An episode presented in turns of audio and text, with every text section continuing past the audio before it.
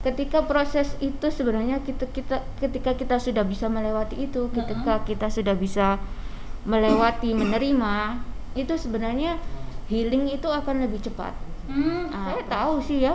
Dari situ itu ada pintu ada orang. Tapi saya nggak bisa mau mau ini secara detail nggak bisa. Jadi dari berbagai macam jenis autoimun penderita Hmm. autoimun itu berkumpul dan menceritakan bagaimana perjalanan mereka. Kalau nggak sembuh ya gimana caranya Iya, bisa menerima uh-uh. Mm.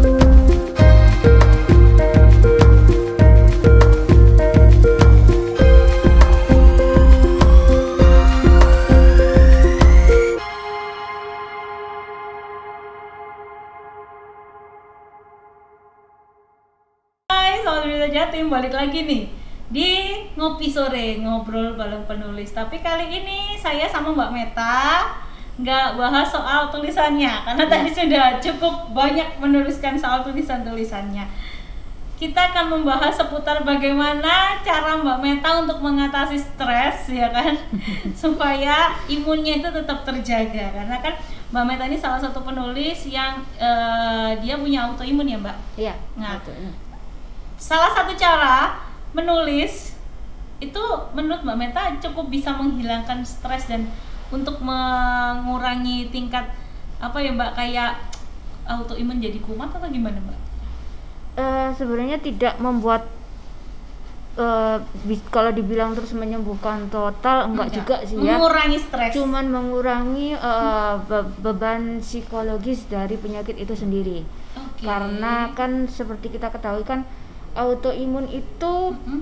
eh, penyakit yang istilahnya seumur hidup ya jadi seumur Oke. hidup ha, Ha-ha. kita hidup dengan penyakit itu dan Mm-mm. pada saat flare pada saat kambuh itu kita harus Bentar, min Flare itu dalam artian kayak eh ya kumat gitu, kumat eh, eh, kunang-kunang gitu. eh, nggak nggak nggak kunang-kunang aja terserah eh, terserah sesuai dengan jenis autoimun yang Hmm. dimiliki masing-masing itu jadi kalau kalau kayak saya ini kan ketika penglihatan saya menurun gitu Hmm. Kalau yang lain mungkin di lututnya sakit Mm-mm. atau di mananya yang sakit gitu jadi kan autoimun itu beda-beda yang diserangnya itu Oh, jadi gitu. Jadi mengurangi efek dari dari dari rasa dari sakit itu, ya, bisa Ha. juga. Tapi nih mbak nggak apa-apa nih mbak kita ngobrol soal ini. Flashback sedikit. Oh ya Oke. Eh, mbak Meta kan tadi cerita eh, pernah menuliskan sebuah stories tentang eh, autoimun. Iya saya Nah, pernah bikin memoir pendek. Bagaimana sih Mbak awalnya Mbak Meta bisa berdamai dengan diri sendiri ketika tahu Mbak Mbak Meta ternyata dokter mengatakan kamu ada autoimun pada saat itu. awalnya sulit yang pasti Mm-mm. Ah, saya pikir semua orang yang dapat penyakit apa pun ketika dapat vonis itu mungkin akan sulit menerima ya. Mm-mm. Jadi eh, penolakan itu pasti ada, Ada. denial gitu. Jadi ke saya nggak nggak sakit ini ataupun oke saya sakit ini tapi saya Mm-mm. tetap bisa melakukan hal-hal yang seperti dulu. Padahal kan enggak kan kalau kita sudah sakit ya berarti kita berada dalam kondisi yang tidak sama seperti kita tidak sakit gitu. Iya benar. Nah, proses-proses seperti itulah ketika kita menolak, ketika segala macam itu perasaan negatif itu muncul. Sebenarnya pada saat itu untuk kasus saya ya, Mm-mm. itulah penyakit sebenarnya malah menjadi lebih buruk, menjadi lebih Hmm. parah. Jadi eh, karena saya yang diserang adalah sistem ke- ketahanan tubuh dan Mm-mm. eh, Benar. keta- dan, eh, eh, dan keta- dan sistem kekebalan tubuh saya menyerang diri saya sendiri. Iya benar. ya jadilah akhirnya ya saya rusak-rusak sendiri gitu. Nah ketika proses itu sebenarnya kita kita ketika kita sudah bisa melewati itu ketika kita sudah bisa melewati menerima itu sebenarnya healing itu akan lebih cepat. Hmm. Ah, proses penyembuhan itu akan lebih cepat. Tapi pada awalnya eh, Mbak Meta kalau bilang autoimun itu faktor keturunan atau enggak sih? Atau pada saat itu mungkin eh, ada sebabnya tiba-tiba Mbak Meta difonis seperti itu apalagi pada saat itu masih sekolah atau masih mbak masih ya enggak saya sudah kerja waktu itu oke Eh, penyakit autoimun itu sebenarnya tidak bisa disebut turunan, ya. Turunan, heeh. tapi banyak juga yang karena eh, dari dari dulu dulunya itu ada yang mengidap tapi mungkin tanpa gejala oke gitu. paham paham Ah, ah. Tapi memang eh, sistem ke- ketahanan tubuh tiap orang kan nggak sama. iya benar Nah, penyakit autoimun yang saya derita sendiri itu sebenarnya mem- mulai menampakkan gejala dengan munculnya eh, lingkaran merah di mata kiri saya. oke Heeh. itu di pupil Ya, dekat bola matanya Heeh, hitam heeh. itu. Ha-ha, ha-ha. Itu muncul merah. Terus ketika saya bawa ke dokter, itu saya belum dapat jawaban bahwa apa sebenarnya penyakit ini oke gitu. heeh. terus lambat laun akhirnya muncul eh, muncul penyakit penyertanya yang lain Mm-mm.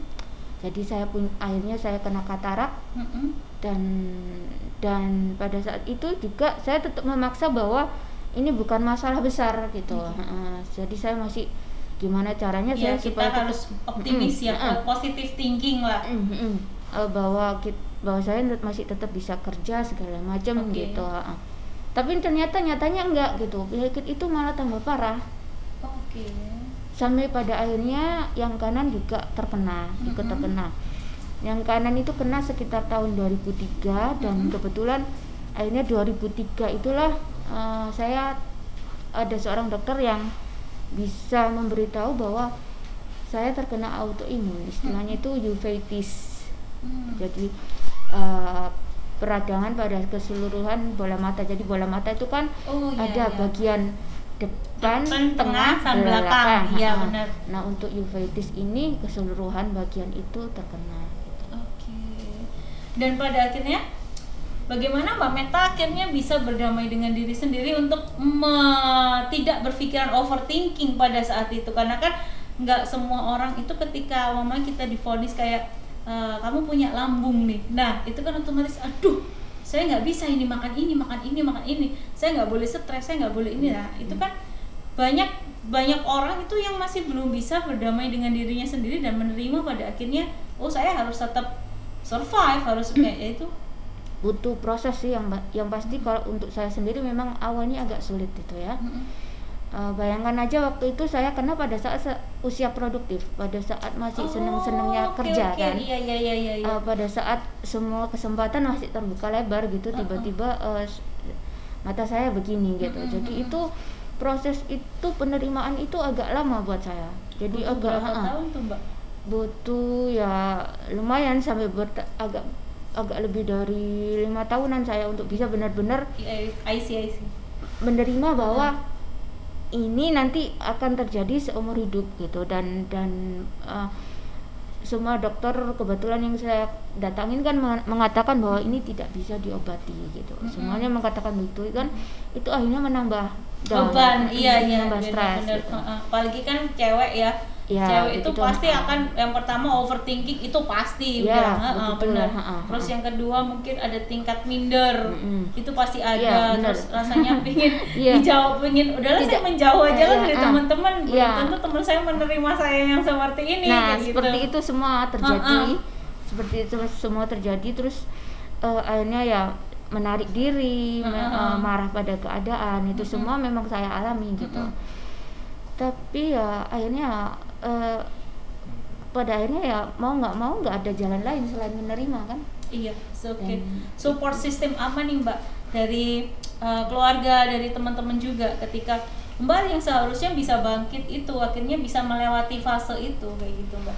Eh, ya tentu eh, saya dapat dukungan dari keluarga saya terutama kakak-kakak saya yang bisa memahami bahwa memang menghadapi seperti ini itu Nggak gampang. nggak gampang Heeh. ya orang bisa emosional sekali kan ya Eh, saya memang terkenal waktu itu memang jadinya gampang marah gitu Iya, Eh, benar. ah, ah. Nggak terus, kekontrol ya Ah, Mbak. ketika ketika dulu biasa mengerjakan sesuatu sendiri terus sekarang harus kayak jalan ke tempat lain aja harus dituntun atau apa itu kan nggak gampang menerimanya gitu loh Eh, saya juga banyak berteman dengan teman-teman tunanetra tunanetra kan jadi yang memang dari awal dari bayi sudah nggak kelihatan Mm-mm, itu bener. berbeda dengan orang-orang yang udah pernah udah melihat, beranjak terus tiba-tiba dapat dan musibah tiba-tiba seperti harus itu ya. eh, harus ti- tidak bisa melihat itu lain gitu memang. Eh, cara cara menerimanya segala macam itu memang berbeda sekali. Jadi kalau yang sudah dari bayi dari lahir sudah nggak bisa melihat itu Mm-mm. lebih bisa menerima lebih lebih bisa enjoy sedangkan yang sempat bisa melihat itu agak sulit termasuk buat saya itu agak sulit iya benar-benar saya pernah kan eh, ke jadi su- sukarelawan di Yayasan Tunanetra di Mm-mm, Surabaya mm-mm. itu eh, satu saat saya pernah bilang gitu eh, eh, minggu depan kayaknya saya nggak bisa ke sini saya mau kontrol gitu Hmm. ke rumah sakit. Terus ada ada sama-sama pen, penyandang tunanetra di sana yang bilang lah masih perlu kontrol. Berarti masih belum mau terima. Oke. Pulang dari situ itu saya nangis gitu saya nangis gitu. Wah apa memang benar-benar sih nggak ada jalan buat saya? gitu. Hmm. Karena kan masih positif ya, kita ya ah, benar ah. eh. cuman cuman di satu sisi lain saya juga kayaknya memang memang nggak ada jalan nih memang memang kayaknya suatu saat memang eh, segalanya menggelap gitu itu Dan- proses dari tahun pertama sampai lima tahun ke depan pada Iya, saat itu mbak Iya, ha-ha. Oke. jadi dan memang kan dan memang kejadian kan ya. Ha-ha, jadi benar. saya sempat hampir total memang. Jadi hampir total yang kanan dan kiri kena. Terus setelah itu ya eh perlahan ya mulai belajar lah untuk bahwa ya sudah lah kalau memang dapatnya gini ya gimana akhirnya ya apa ya ikhtiar ya mbak ya jadi Iya. legowo akhirnya bisa menerima dan Iya, mm-mm. pada akhirnya eh, keberanian mbak Meta cukup besar dengan berani menuliskan ceritanya mbak Meta dalam satu cerita itu butuh proses panjang nggak sih mbak? Untuk akhirnya Jadi, kayak iya. ibaratnya kayak gini ya mbak ya. Seumpama nih saya nih eh, anggap aja umpama kan saya punya asam lambung nih ya. Orang asam lambung itu kan kadang kita kalau sama temen kan kayak ah bilang aja nggak nggak ada apa-apa kayak gitu. Mm. padahal sebenarnya kan tantangan kita untuk makan banyak makanan itu banyak banget. Mm-mm. nah itu kan saya juga butuh keberanian ngomong ke teman saya kayak saya tuh punya asam lambung kayak gitu loh mbak. Mm. nah gimana kalau seorang mbak Meta? Dan akhirnya berani bahkan itu menuliskan di sebuah buku. Eh, sebenarnya itu yang mendorong juga dokter mata saya. oke. Ya, eh, ketika ketika eh, saya sudah mulai belajar untuk menerima, Menerima, keadaan heeh. itu, tapi eh, tetap ada sesuatu dalam diri saya yang menyatakan bahwa bagaimanapun saya harus tetap berusaha untuk eh, dapat jalan bahwa tahun pertama saya sakit dengan tahun keberapa saya sakit itu kan pasti beda perkembangan teknologi Heeh. kedokteran pasti kan Semakin eh, berkembang, eh, iya. semakin berkembang pasti paling enggak adalah gitu cara baru atau gimana lah yang mungkin bisa dilakukan gitu Mm-mm. jadi selain saya berusaha untuk belajar menerima itu saya tetap istilahnya tetap ikhtiar ya Mm-mm. tetap mencari tahu eh, gimana eh, supaya mendapatkan kesembuhan lah jalan sedikit aja gitu. Dan itu nggak nggak anu nggak nggak mudah. Iya iya benar prosesnya lama eh, berbelit-belit dan saya nyoba apa aja itu alternatif segala macam itu saya datengin Eh, bahkan dok berobat lagi ke dokter. Ini termasuk kakak saya yang nonton itu juga Heeh. Eh, sempat juga saya ke mana untuk pokoknya ada ada inilah Ada ada, info lah ya, ah, iya, ada iya, info benar-benar. ini di sini ada ini ada di sini. Saya pasti datang gitu. Mm-mm. sampai akhirnya kemudian eh ini lagi-lagi saya eh, harus menyatakan bahwa eh, dari kecil saya memang kan suka dongeng kan ya. Oke. Saya baca eh, sebagian besar waktu saya kalau saya sudah suntuk gitu saya nggak bisa baca. mikir apa. Karena saya nggak bisa baca sendiri Heeh. kan pakai laptop suara itu kan bisa kan Oh ada iya, ah, ada sekarang kan Uh-uh. sudah mulai banyak kan Mm-mm. yang eh, learning lah ya. Iya, ah. Ha-ha. jadi da- da- dengan pembaca layar Audio, itu, ya. ha-ha, eh, saya mulai baca-baca itu. Terus dari dari situ saya dapat hadiah juga dari kakak-kakak saya handphone yang ada pembaca layarnya itu juga Oh iya, gitu. benar, benar. Jadi Dari ada audionya Mm. juga. heeh. dari situ saya browsing jadi saya tetap bisa browsing internet Uh, akhirnya saya dapat info tentang stem cell Mm-mm. dapat info tentang stem cell katanya untuk penyakit apa aja bisa gitu Oke. Heeh. akhirnya yaitu saya coba lagi hubungin uh, dokter stem cellnya itu dan dengan dibantu dari Mhm. salah satu yayasan non profit yang biasa Mhm. membantu itu, Itu pada saat itu yang kanan masih belum berfungsi ya, Mbak? Sud- iya masih Belum sudah ya? hampir ha-ha, Sudah hampir total iya, ha-ha. heeh. Uh, Ternyata jadi- ada titik harapan ini. Heeh. Heeh. Jadi 2015 saya Heeh. ketemu dengan ketemu dengan uh, salah satu pakar stem cell yang ada di Surabaya Mm-mm. sini. Terus kita nego gimana caranya? Oke, saya bisa bantu kamu, Mm-mm. Tapi mungkin cuma berapa kali dan uh, tidak ada jaminan ya. Tetap Oke. aja tidak ada jaminan bahwa ini akan uh, akan memberi hasil. Kembali Ah, iya. Tapi saya ambil itu. Berapapun hasilnya yang apa pun yang Yang terjadi penting nanti- berjuang dulu Iya. ya apa pun Jadi, hasilnya. ha-ha, heeh. ha-ha. Jadi saya ambil itu jadi 2016 akhirnya ketemulah saya dengan dokter yang berani mengam- mengambil tindakan. Itu operasi kah? Itu gimana, Ya, Mbak? Operasi. 2016. 2016. Oke. 2016 jadi eh, karena yang kiri itu sudah nggak dia nggak bisa diapa-apain. Memang tidak bisa tertolong ya dari Iya, dokter. yang kiri, Heeh. ha-ha. yang jadi yang diambil tindakan cuma yang Sang kanan. kanan. ha-ha. Dan alhamdulillah ada hasilnya meskipun tidak 100% ya yang kanan ini. Jarak pandang berapa, Mbak? Oh. saya tahu sih ya dari situ itu ada pintu ada orang tapi saya nggak bisa mau mau ini secara detail nggak bisa. Oh, oke oke. Jadi kayak min ya, kayak Heeh. kita kalau min kan Mm-mm, kalau mm-mm. eh, apa apa Iya.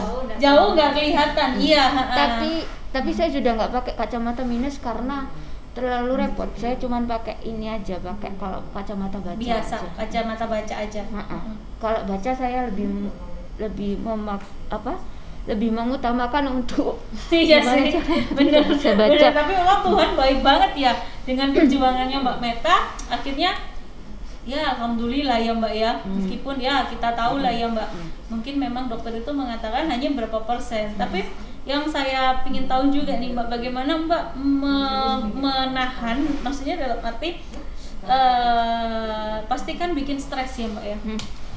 tahun lima tahun gitu kan apalagi 2016 juga masih harus operasi.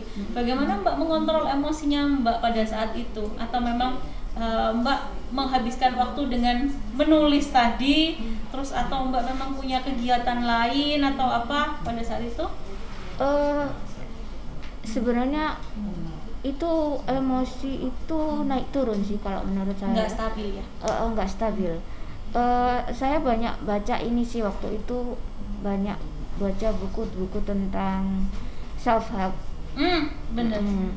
jadi salah satu buku yang paling menginspirasi saya itu ada tulisannya Eckhart Tolle Mm-mm. yang judulnya itu The Power of Now Hmm. jadi itu sudah kamu nggak usah mikir yang ke depan gimana yang di belakang gimana kamu jalani jalan ada yang iya. yang ada sekarang gitu jadi di situ ada ada teknik-tekniknya seperti meditasi nafas segala macam Oke, iya, iya, iya, jadi di dari situ dari situlah sebenarnya eh, ketika emosi kita sudah menyerang gitu kita sudah nggak karu-karuan rasanya kita balikin lagi ke fokus ke nafas kita gitu. Saya belajar dari situ. Terus terus pelan-pelan akhirnya ya mulai bisa oke lah gitu jadi ya ya sudahlah gitu Oke, Ah, ah, ah. dan mengisi kegiatan dengan hal-hal yang positif ya Mbak. bahkan ketika 2016 itu kan memang ada pertentangan dokter bahkan dokter tidak semua dokter Mengiyakan. mengiyakan. Ah, ah. tidak semua orang itu menganggap bahwa ini akan ada hasilnya gitu Mm-mm. ya saya sempat down Down, juga down, eh, iya. down lagi ya, eh, Ah. kit- Tapi eh, beruntung Mbak Meta nggak sempat putus asa gitu loh Mbak. ya alhamdulillah gitu Eh, jadi saya bersyukurnya di situ jadi saya eh, seperti diberi eh, diberi peringatan bahwa Second Kalau- chance, ya, ah, Mbak. second chance-nya ah, itu dikasih kamu sama Tuhan. eh, kamu sudah nyoba apa gitu Heeh. kalau kamu saya kasih sakit kamu nyoba sampai seberapa besar kamu mau berusaha untuk sembuh gitu akhirnya saya terpacu di situ kan Oke. Ah. akhirnya ya ya sudah gitu Pasrah ya. 2016 itu saya juga gini pokoknya eh, nggak tahu lah pokoknya ini operasi saya jalanin tapi nanti hasilnya gimana saya nggak tahu. Sampai pada akhirnya operasi, dan ternyata alhamdulillah, alhamdulillah ada hasil ada hasilnya dan akhirnya banyak kegiatan yang dilakukan Mbak Meta setelah itu. ya, dok- Uh-uh. ah, ah. dokter saya tahu kalau saya suka baca Iya. eh, namanya dokter Evelyn. Oh cewek. jadi dokter Evelyn tiba-tiba saja nyeletuk gimana kalau kamu tulis Wow, dia yang memberikan inspirasi juga salah Iya. satunya ya. jadi dari itulah awalnya apa apa dok ditulis kamu bikin kayak apalah Heeh. perjalanan kamu dari dari sakit sampai dapat ini akhirnya saya pikir iya ya. Nah, akhirnya saya tulis gitu saya tulis eh, eh, saya bikin memoir pendek tentang Heeh. itu Dan- Pada saat itu belum ikut pub media ya? belum Belum. belum Oke, oke. belum Ah. Masih penulis masih eh, indie lah ya, Iya, hitungannya ya. ah, ah. saya ikut grup akhirnya saya eh, beberapa teman sesama teman Mm-mm. autoimun itu kan juga ada yang Oh, suka ada. ah, Iya iya ada iya iya. yang suka menulis juga gitu Heeh. jadinya terus setelah dari memoir itu Mm-mm. kita bikin bareng-bareng juga antologi isei tentang autoimun dan Dari bagaimana segala kita sudut pandang dan aspek itu tadi. ya Heeh. jadi dari berbagai macam jenis autoimun penderita autoimun itu berkumpul dan menceritakan bagaimana perjalanan mereka kalau nggak sembuh ya gimana caranya Iya, bisa survive, menerima heeh. Mm. Dan pada akhirnya Mbak Meta selain menulis juga katanya juga bikin kue juga. itu kan satu satu tambahan juga Mbak untuk mengurangi tingkat supaya kita Ca- bisa cari melupakan cari receh iya cari receh sama- cari kan nggak apa-apa mbak selain menulis ya kan kita juga cari recehnya dari tempat lain ternyata kan Iya. itu bisa menjadi salah satu inspirasi juga buat uh, anak-anak autoimun yang lain kayak gitu Iya, karena kan ah. paling kita taunya yang autoimun yang artis itu kan mbak nah kan beda ya kan kalau artis kita udah jaminan udah tahu kita berobatnya ke mana Iya. ke mana ke mana kayak gitu nah untuk kita yang istilahnya yang masyarakat biasa kan Hmm. masih banyak semuanya kita lihat di belakang Mbak Meta nih masih ada mungkin yang masih awam masih yang berjuang yang masih Iya. kayak gitu. Kebanyakan memang untuk teman-teman autoimun itu lebih tertutup. kalau yang sudah ya kalau yang sudah bekerja itu eh, sedikit sekali yang bisa tetap bertahan di di, di tempatnya bekerja. Karena oh gitu ya?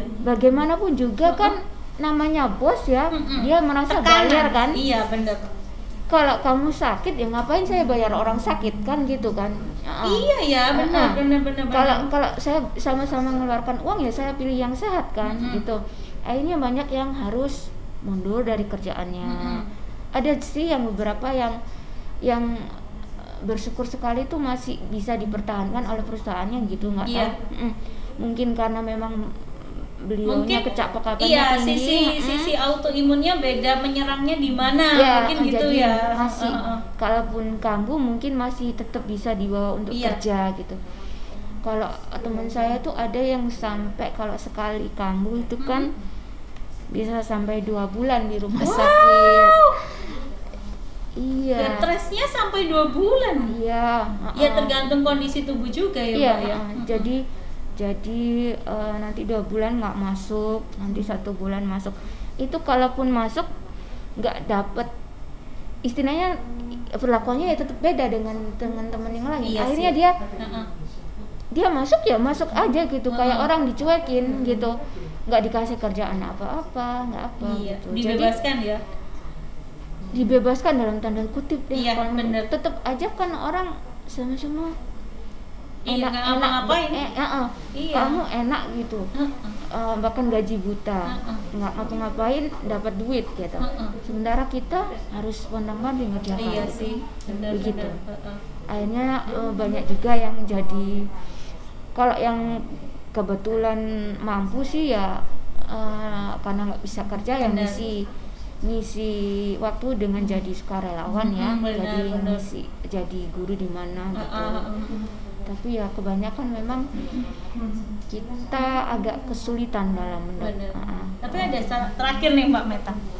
Mungkin eh, Mbak Meta bisa kasih nih satu support untuk mereka yang sama-sama berjuang, tapi mereka itu masih pada pada titik yang belum bisa bergelut dengan dirinya sendiri, Mbak. Supaya mereka lebih semangat lagi nih kayak Mbak Meta nih. Eh, kalau menurut saya begini, prinsip saya gini. Kamu bisa marah dan sakit Mm-mm, atau tidak marah dan sakit. mm-mm. Jadi itu pilihannya cuma itu. Kamu sakit dan kamu marah, tetap aja sakit gitu kan. Kamu sakit dan tidak marah gitu. Kamu cuma dapat sakit aja, kamu nggak dapat marahnya gitu. Itu aja. Iya. Jadi yang bisa kita bawahi adalah intinya pertama harus bersyukur ya Mbak ya. Eh, dikasih sakit itu bukan membuat kita pantang menyerah untuk tetap bertahan, tapi kita bisa berkarya untuk mengurangi tingkat pikiran kita supaya Ya, ah. sakitnya tuh nggak makin parah gitu loh bisa diimbangi dengan kegiatan lain dan yang terpenting adalah bisa berdamai dengan diri kita sendiri Ya, itu. Iya kan mbak Iya, Iya. ah. makasih banget ya mbak Meta Sama-sama. sebenarnya itu banyak yang harus kita ngobrolin tapi nggak apa-apa semoga mbak Meta ini bisa menjadi